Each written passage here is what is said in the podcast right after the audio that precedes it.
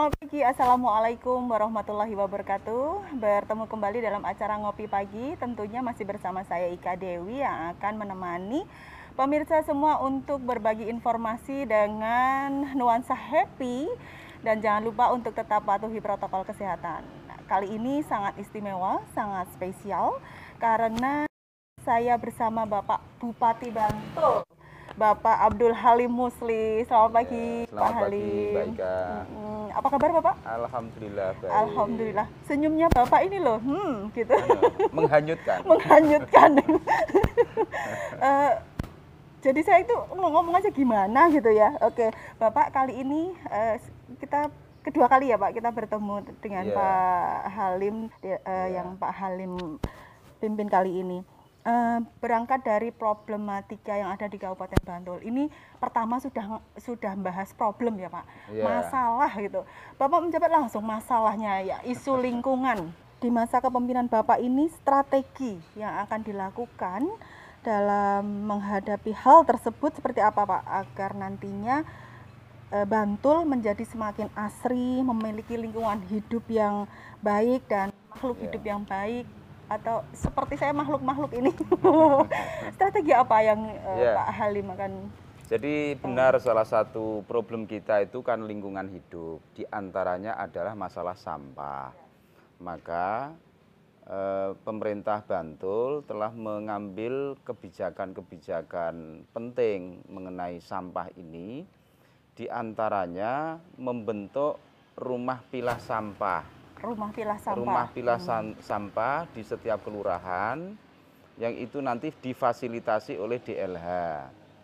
Kemudian melalui dana 50 juta kita mengarahkan pemanfaatannya itu untuk pembangunan rumah pilah sampah pula di tingkat pedukuhan. Hmm. Sehingga problem sampah kita itu bisa kita atasi sejak dari sumbernya. Bagaimana ya. rumah tangga-rumah tangga itu sudah membudayakan untuk memilah sampah. Oh. Yang pilahannya itu nanti ditampung di rumah pilah-rumah pilah yang ada di tingkat pedukuhan maupun tingkat kelurahan. Jadi ini memang soal budaya, ya e, kalau kita warga Bantul ini tidak membudayakan memilah sampah dari rumah masing-masing, maka problem sampah ini akan akan sulit diatasi. Karena kita menginginkan e, sampah yang dibuang di tempat pembuangan akhir itu sampah yang residual yang memang sudah tidak bisa dimanfaatkan iya. lagi gitu. Nah, sekarang ini kan rumah pilah-rumah pilah itu kan bisa mengurangi e, tumpukan sampah yang ada di tempat pembuangan akhir karena sampah-sampah yang masih bisa digunakan, bisa di-recycle, didaur ulang itu dikumpulkan di hmm, situ. Ya. Nah, oh, gitu. ya, oke. Okay. Sadar hukum dan sadar lingkungan. Ya. Ternyata uh, masalah sampah pun mm -mm. Berawal dari rumah tangga ya Pak. Betul. Dari para ibu-ibu ini ya berarti yeah. harus memilahkan dulu gitu ya terkait sampah. Ya, tersebut. jadi budaya pengurangan sampah itu juga harus kita mulai. Kalau kita belanja maka biasakanlah membawa tas sendiri dari rumah oh, supaya yeah, yeah. apa bungkus-bungkus plastik itu tidak menumpuk di rumah. Yeah. Kita kurangi uh, timbulan sampah itu dengan cara merubah budaya belanja kita hmm. dengan membawa tas sendiri dari rumah yang dipakai berulang-ulang. Iya. Hmm. Baik Pak, selain isu dari sampah eh, di Kabupaten Bantul juga, juga uh, pernah nih mengalami bencana ya Pak. Hmm. Uh, ada tanah longsor di hmm. Ada banjir di tahun 2017, puting hmm. beliung. Ya. Lalu yang paling masih masih teringat sekali itu di 2006 di hmm. gempa itu ya Pak. Eh, traumanya pun saya masih loh Pak sekarang. Yeah. di, dikit itu langsung lari aja. Yeah. Uh, di tangan Pak Bupati, Pak Halim, uh, di perencanaan pengelolaan mitigasi bencana itu nanti uh, program apakah itu yang akan program apa yang akan mengatasi hal-hal tersebut di mitigasi yeah. bencana? Jadi pertama mesti manusianya yang dibangun, sumber daya manusia dan kita sudah membangun FPRB di setiap kelurahan. Uh, forum pengelolaan resiko bencana di mana ini petugas yang akan melakukan tindakan-tindakan pertama hmm. saat bencana sehingga bisa diminimalisir jatuhnya korban jiwa. Oh, ya. Jadi pertama itu jiwa harus dilindungi. Ya, kalaupun rumah rusak, eh.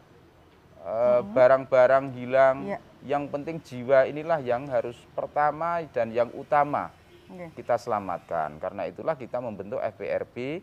Di samping itu kita juga mendorong munculnya relawan-relawan bencana.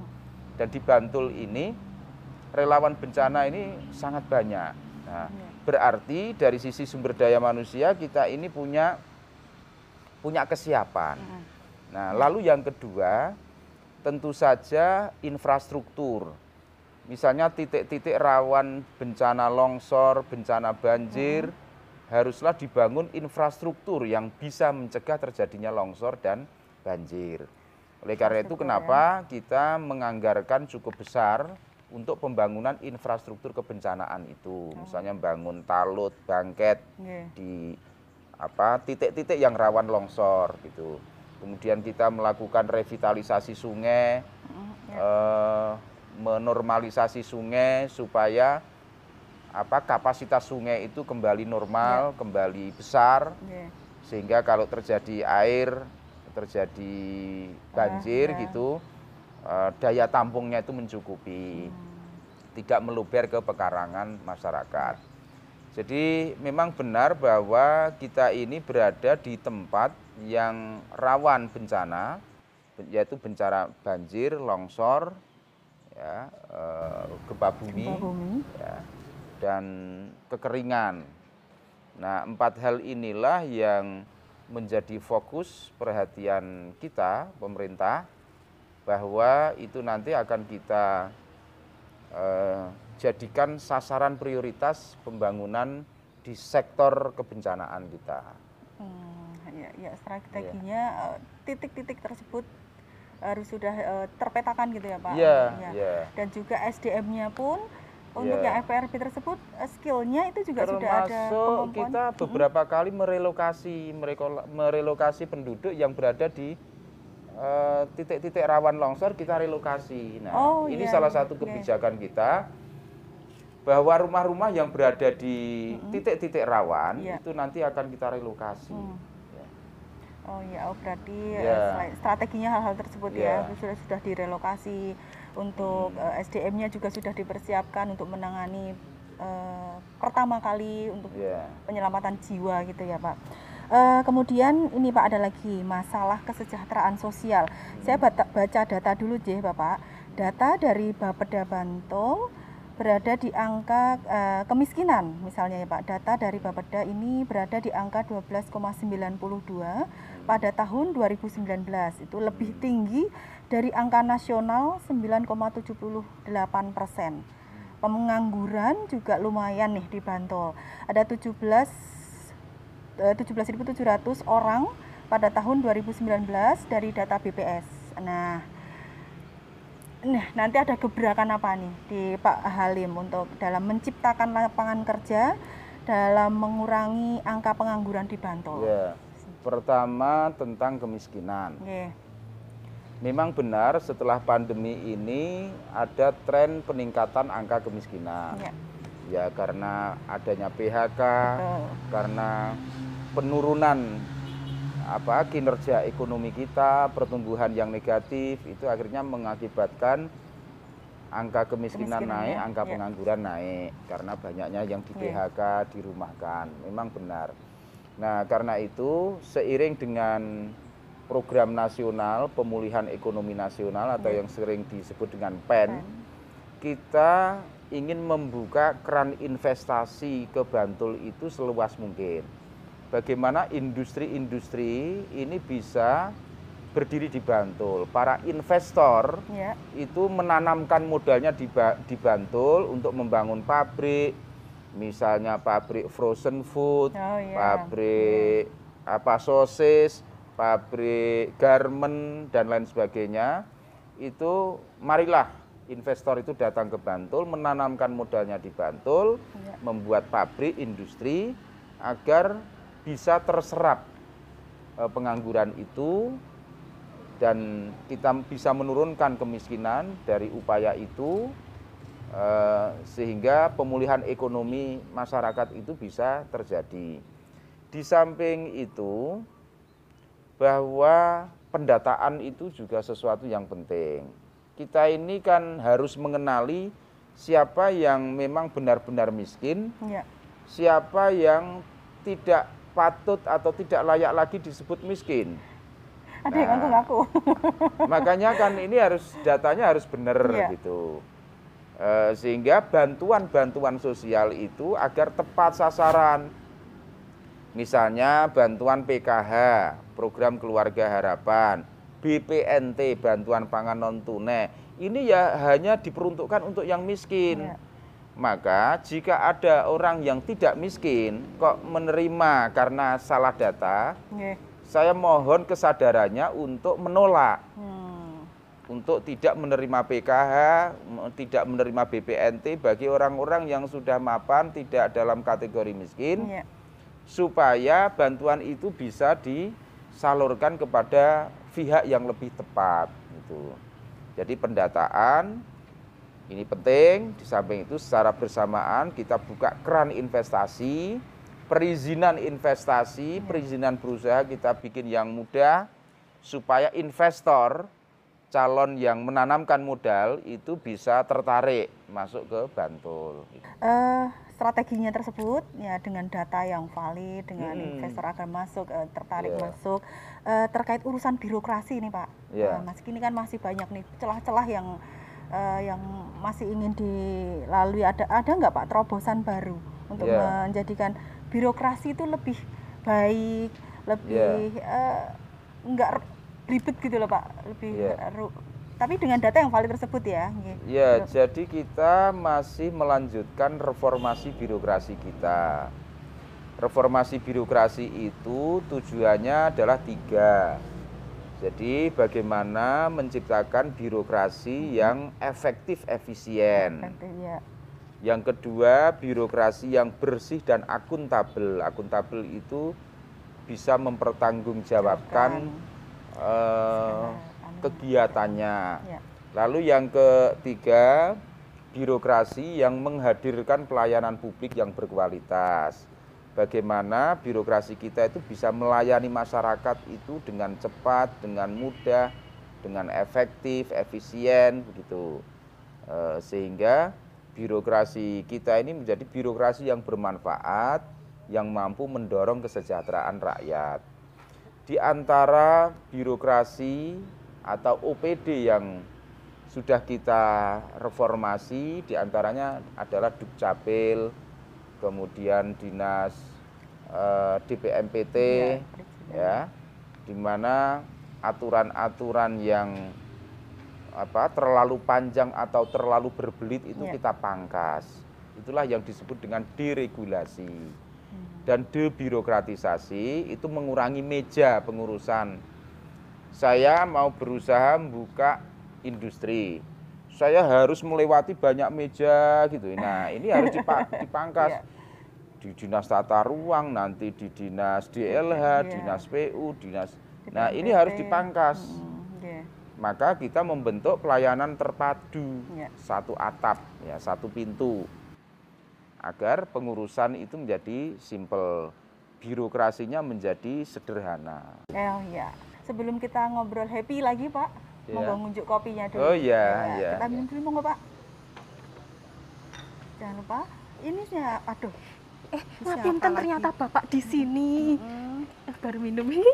Ngapunten Bapak, saya itu tadi tuh nyari dari ujung selatan ke ujung utara handphonenya bapak itu ketinggalan. Oh iya, di mana tadi ketinggalan? Iya di ruangannya bapak nyusul. Oh, ini iya, saya iya. nyusulkan. Oh, ini sama iya, bapak iya, gayanya kayak gini nih. Eh, saya itu sekarang jadi. Oh ya terima kasih ya. Jadi bapak, saya itu sekarang jadi sekpri magang. Ah ya ampun, kok ya kayak gini diterima toh pak?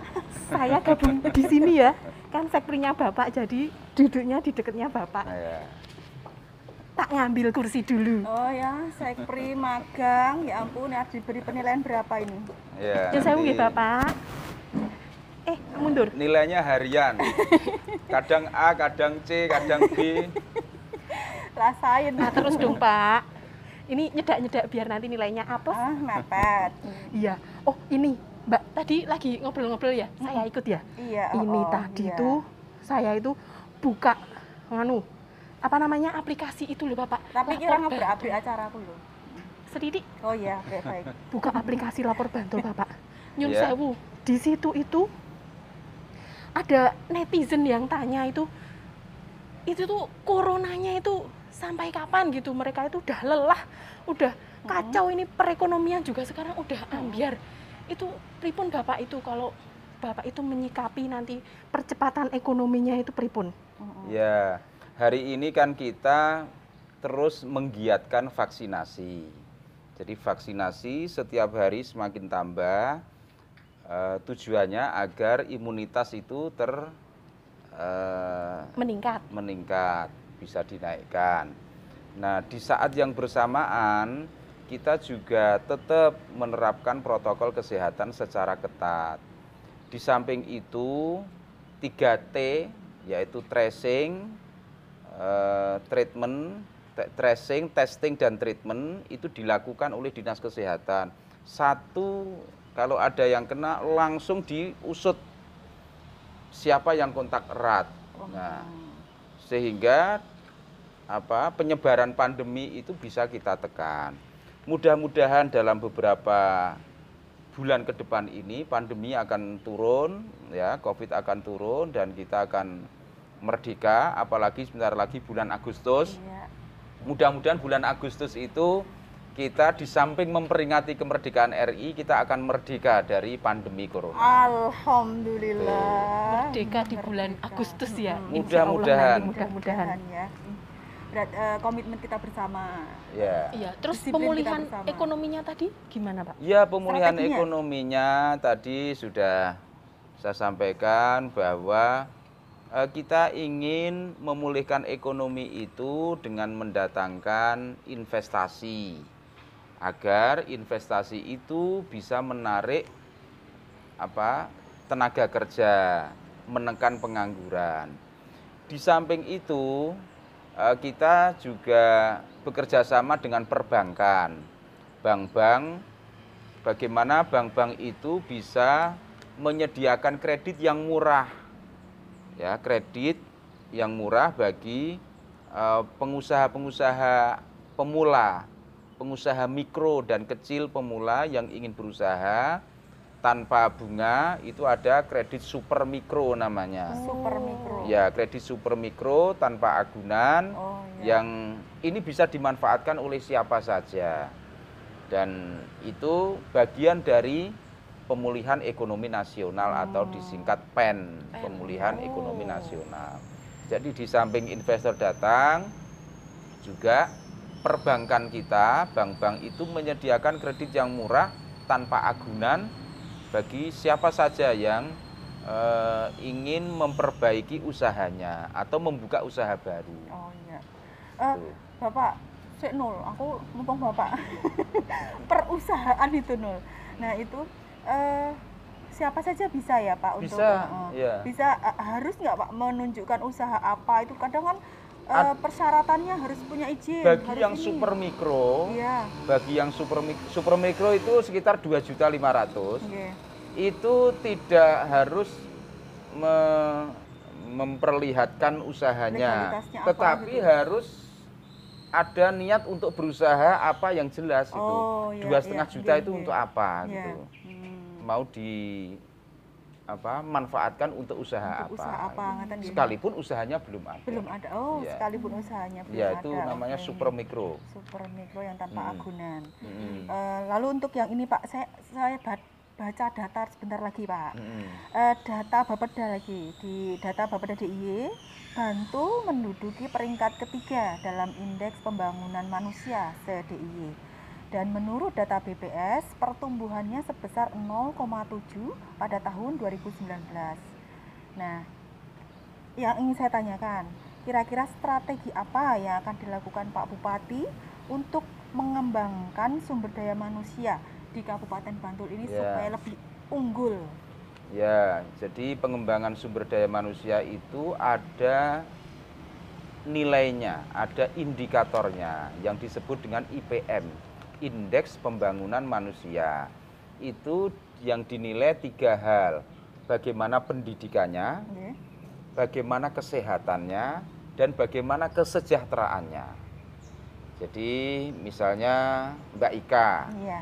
ya Mbak Ika ini dinilai pendidikannya semakin tinggi semakin baik kesehatannya semakin sehat semakin baik kesejahteraannya semakin tinggi semakin baik maka indeks IPM-nya Mbak Ika ini kalau ini IPM individual maka tinggi.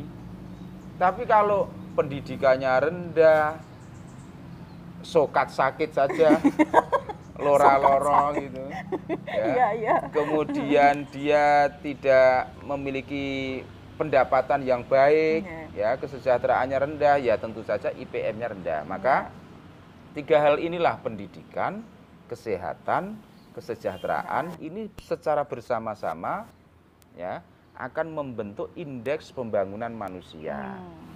Nah, strateginya ya meningkatkan lama belajar. Lama belajar itu bukan berarti Nunggak. nunggak, nggak naik-naik itu enggak. Artinya lama sampai tingkat jenjang yang paling tinggi. Kemudian pembangunan kesehatan jangan sampai masyarakat Bantul itu sakit-sakitan. Maka promosi kesehatan di antaranya Germas, Gerakan Masyarakat Hidup Sehat, itu harus menjadi budaya hidup masyarakat Bantul. Sering olahraga, sering mengkonsumsi sayur dan buah-buahan, sering periksa ke dokter manakala ada terjadi perubahan yang tidak wajar. Hmm. Nah, dengan demikian maka kesehatannya itu akan meningkat dan IPM-nya itu nanti indeks pembangunan manusianya akan tinggi. Gitu. Promkes ya tadi Ya. promosi kesehatan. Promosi kesehatan. Ya, itu akan lebih lebih ditingkatkan. Yun sewu Bapak, kalau Mbak Ika tadi kan tanyanya tentang data-data itu kan susah. Kalau saya itu gampang aja. Iya, Ini kan- apa? Anu, jalan itu ada yang bolong-bolong rusak, Iya. nggih. Terus niko taman-taman. Ini Bantul itu mau ada pembangunan apalagi gitu, Iya. Bapak? Jadi kita punya anggaran untuk memelihara jalan. Jalan-jalan yang rusak, jalan-jalan yang berlubang itu kita pelihara. Maka laporan-laporan ini penting supaya Dinas Pekerjaan Umum itu bisa segera menindaklanjuti dengan menambal yang rusak-rusak itu atau bahkan membangun kembali. Kalau fasilitas yang lain, Nah, fasilitas kita ingin Bantul itu punya ruang-ruang terbuka hijau atau ruang publik. Di antaranya nanti yang sebelah selatan kantor Pegadaian itu Nggih. nanti akan kita bangun taman kota di sana. wow, Dan insya Allah kalau nanti apa ada alternatif tempat lain Pegadaian itu juga akan akan kita pindah Oh, gitu sehingga itu nanti semuanya Luas akan gitu menjadi ya. Taman kota ya tempat keluarga-keluarga untuk menikmati malam atau menikmati sore kota Asik. Bantul. Oh iya bener berarti besok itu Minul bisa nyambut seberaan niku super mikro Iya. terus ten riko dodol cilok. Boleh, Wah. boleh. Bener Tapi iki Mbak. sampahnya loh tetap Ya. harus Oh, iya, iya. perawatan barber barber. Ya. Gitu. Begitu. Ya Nur.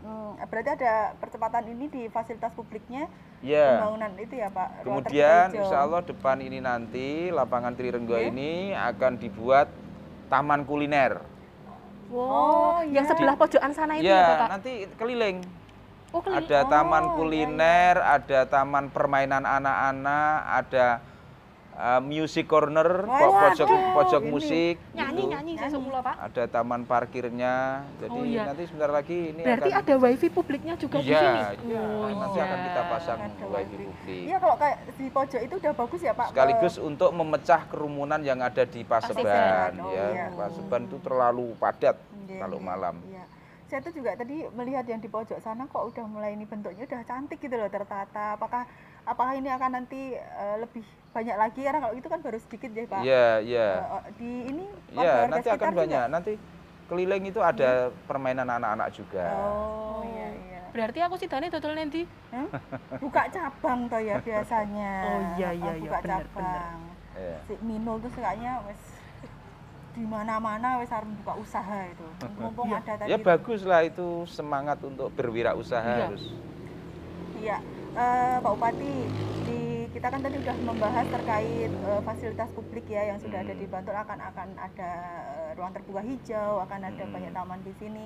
Uh, terkait untuk teman-teman difabel kita. Oh iya. Ya, teman-teman difabel kita, bagaimana fasilitas publik untuk teman-teman difabel? Ya. Biar, uh. Jadi teman-teman penyandang disabilitas ini salah satu uh, sasaran pembangunan kita. Uh agar mereka ini bisa lebih sejahtera dan bahagia. Di antaranya membangun akses-akses yang ramah eh, terhadap eh, kelompok difabel ini. Di antaranya nanti kita akan membangun lift di kantor bupati. Oh iya. Ya, nanti sehingga uh, kalangan ya. difabel ini kalau mau ketemu bupati, okay. ketemu wakil bupati atau ketemu pejabat ini nanti tidak kesulitan yeah. lagi karena sudah kita sediakan lift ya. Memang ini diprioritaskan untuk difabel.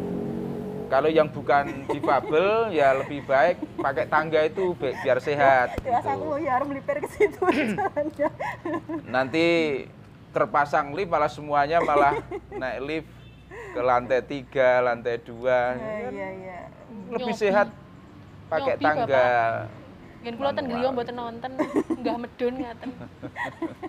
Lerak norak toh. Yeah. Sapri itu enggak norak toh. Aduh, tingku rasi itu apa? Terus nanti juga di dinas-dinas yeah. itu harus ada eh, ruang-ruang uh, misalnya ruang laktasi. Oh iya. Kemudian uh, akses masuk untuk difabel itu juga harus dibuat. Seperti jalan yang dronjongan. Apa ya namanya? Dronjongan. Ya. apa bahasa Indonesia nya dronjongan itu? Gini ku bapak dronjongan. Iya. oh ya akan memudahkan teman-teman difabel ya. Ya. kembali dengan Pak Halim. Uh, di Kabupaten Bantul ini slogannya kan sudah tahu ya Pak semua nggih. Tak baca dulu soalnya bahasa Inggris. Bahasa Inggris. Harmoni harmony of culture and nature uh untuk bibirnya Iya, oh, gitu. nah keharmonisan antara budaya dan alam. alam. Ya, ya, ini dapat dibuktikan ya Pak dengan budaya-budaya di ya. uh, Bantul dan wisata-wisatanya pun begitu indah dari kuliner, dari industri kreatif di Bantul dan uh, wisata pertanian, agrowisata yang sekarang um, baru in ya Pak, kita main yeah. di iya. alam gitu ya. Yeah. Iya. Uh, nah kemudian bagaimana cara untuk memaksimalkan Pak potensi-potensi tersebut di masa kepemimpinan Pak Halim? Ya, kita punya dua kekayaan. Ya.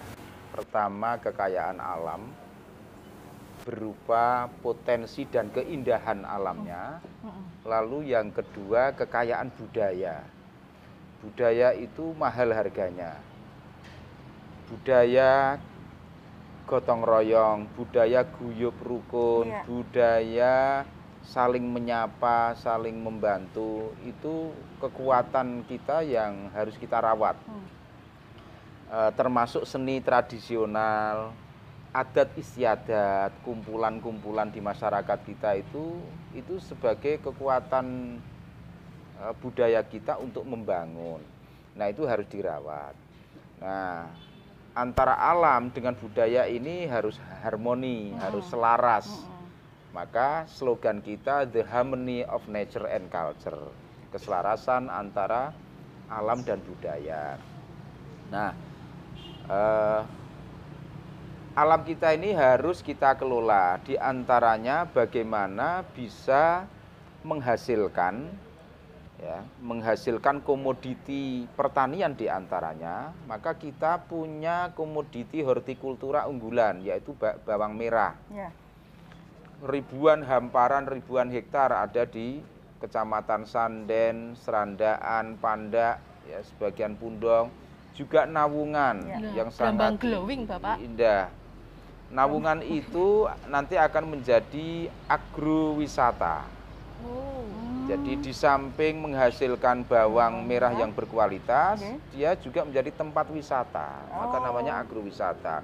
Pemandangannya sangat indah, Indah, iya betul. sangat indah dan itu nanti akan kita buat spot-spot apa? Bukan hanya spot foto, tapi spot-spot eh, wisata ya, eh, yang memiliki daya tarik. Hmm. Nah, kita punya tempat seperti ini itu banyak sekali.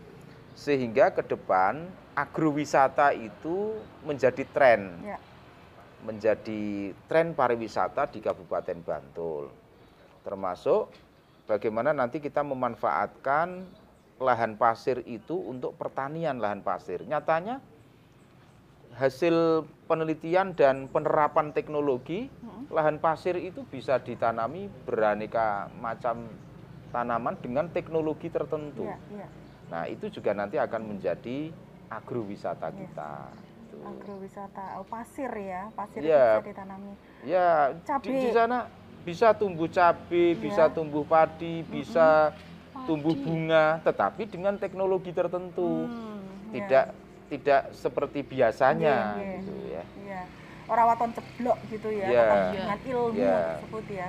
Di Nawungan tersebut juga akan ada agrowisata ya. Iya. Nol siap Buka apa meneh ning kono? Wah, Buka bener. Oh, apa saya kira siap selfie di sana.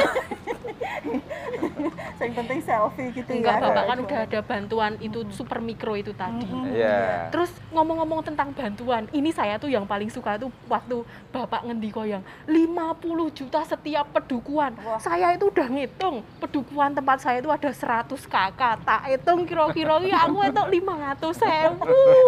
Sampai dilipet itu. Bukan begitu, bantuannya bukan terus didum per orang dapat Oh, berapa itu tidak. Salah tuh. Ya. Nah, terus pripun Bapak? Jadi 50 juta itu bantuan dari pemerintah kabupaten ke pedukuhan yang digunakan untuk empat hal. Apa itu? Satu, pembangunan infrastruktur. Kalau digunakan membangun jalan, Ya. tidak boleh menggunakan cor blok. Karena Oh. cor blok itu menutup pori-pori tanah, Hmm, menghalangi eh, air itu terserap ke tanah. Oh. Nah, padahal kita perlu penyerapan air agar agar air tanah kita itu tetap tersedia. Hmm. Maka jangan pakai cor blok tapi paving block, kon blok bukan cor blok. Konblok. Hmm. Hmm, Oh iya, malah Ya. banyak yang Ya, udah kalau di kon blok blok itu masih ya? bisa menyerap. Satu itu Hmm, untuk iya, iya. infrastruktur infrastruktur. Kedua untuk lingkungan hidup, utamanya sampah. ya sampah. Misalnya digunakan untuk membangun rumah villa. Hmm, Ya. Eh, untuk membeli tong-tong sampah di sudut-sudut kampung agar eh, sampah tidak berserakan Iya. itu boleh. Lalu yang ketiga untuk pendidikan anak usia dini, misalnya untuk membeli APE alat permainan edukatif. Kemudian Hmm. yang keempat untuk posyandu. Bagaimana posyandu ini bisa bergerak sehingga angka kematian ibu, angka kematian balita itu bisa ditekan. Kemudian angka stunting, Stunting, ya, ya. bisa ditekan dengan fasilitas yang semakin baik. Eh, itu menggunakan dana 50 juta itu per Oh. pedukuhan. 50 juta kali 933 pedukuhan itu ada 46 miliar 650 juta sangat besar. Sepiro? Maka harus efektif, harus Hmm. berhasil. Iya. Bukan kok terus didum Hmm, masyarakat itu tidak. Hmm, Iya, sudah tak hitung Bapak. Terus itu yang 9 miliar pinten miliar niku. 46. Mm-mm, itu 46,65 miliar. iya itu itu uangnya dari Sumber mana, dananya ya. Sumber dananya dari APBD. APBD kita itu kan punya pendapatan, misalnya pendapatan asli daerah, dana alokasi umum dari pemerintah pusat, kemudian ada dana bagi hasil pajak, Hmm. ada pendapatan retribusi dan lain sebagainya itu itu menjadi sumber untuk membiayai 50 juta per pedukuhan itu yang jumlah totalnya ada 46,6 setengah miliar. Waduh, ukah tenan Dan itu Yanto. jangan dibayangkan itu duit semua itu ora campur godong ya itu duit semua 46 kalau ditumpuk di rumahnya Minul bisa kebak kuwi. Heeh, kebak Budak, eketan Iya. anu atusan. nah eh, itu kita rencanakan dari tahun ke tahun itu akan kita tingkatkan ya nanti tergantung kemampuan keuangan kita bagaimana Hmm. terus tanya sampai sumber dari mana kayaknya gue mesti harus nyebrak kayak ya. Weh, lah ya sapa ngerti sawahku sing kono kae arep disebrak engko nek taunan ana anake. Anu ana bungane ngono lah ya. Tuh kan bener deh jatuhnya ke situ Eh, menarik sekali ya di ternyata nggak terus yang dibagi gitu ya pak. Tapi Ya, ada syarat-syarat Ya, tertentu harus ini harus dipenuhi dulu nih. Ini untuk apa ini gitu tuh yang jelas. dibagi itu ada sendiri seperti PKH, BPNT Oh. itu. Masa iya saya priarep kan ngono yo enggak. Tolak. Tadi kan bapak sudah menyampaikan tolak nek yang dicinta ditolak itu biasa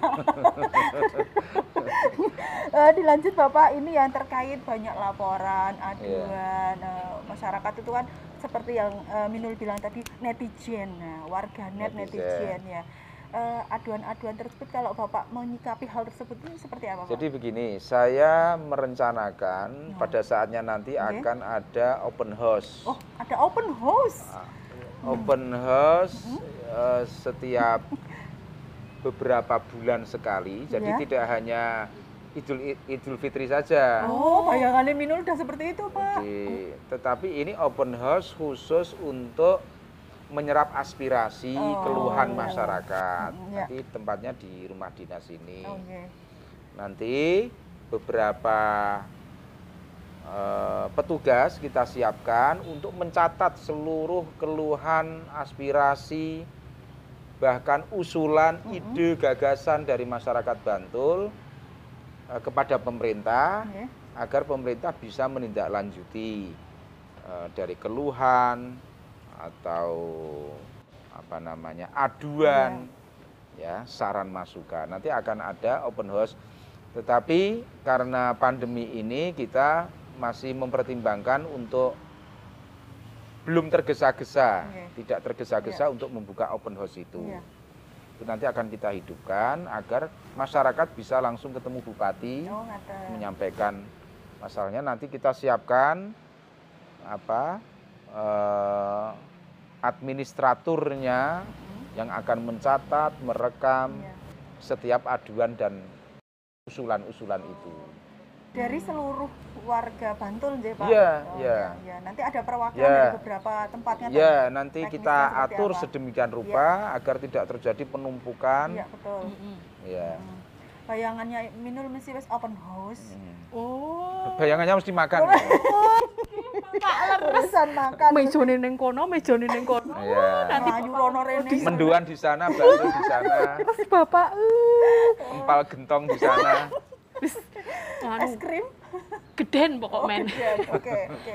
Ngapunten Bapak niki saya ditelepon sebentar sebentar. Ngapunten nih Oh, Bapak. Kayaknya saya iya. ada tugas di kantor. Ya, Yang saya Bapak iya, saya iya. pamit dulu.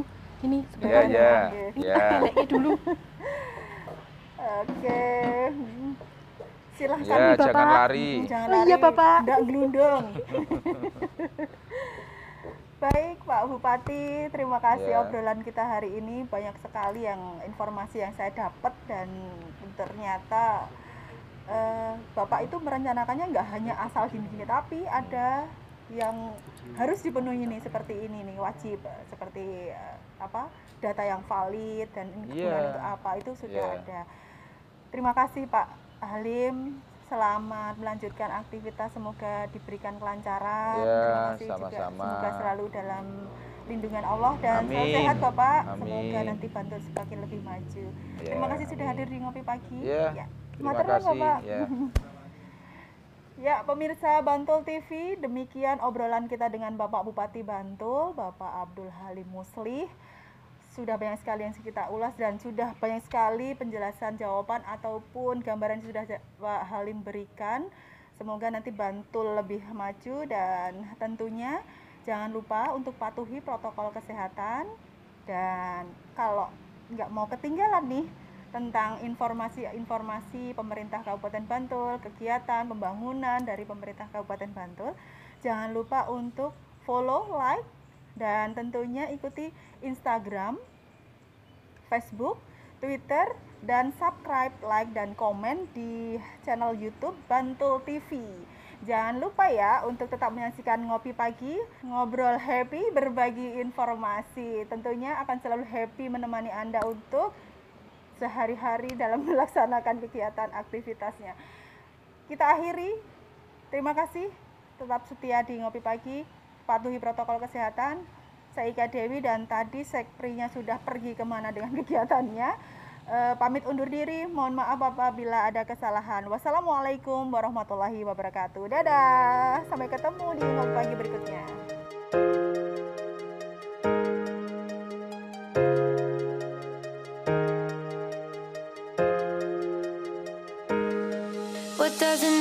to be happy. Cause it looks like we all don't know. Glass half full or empty. Man, we just putting on a show. We try to look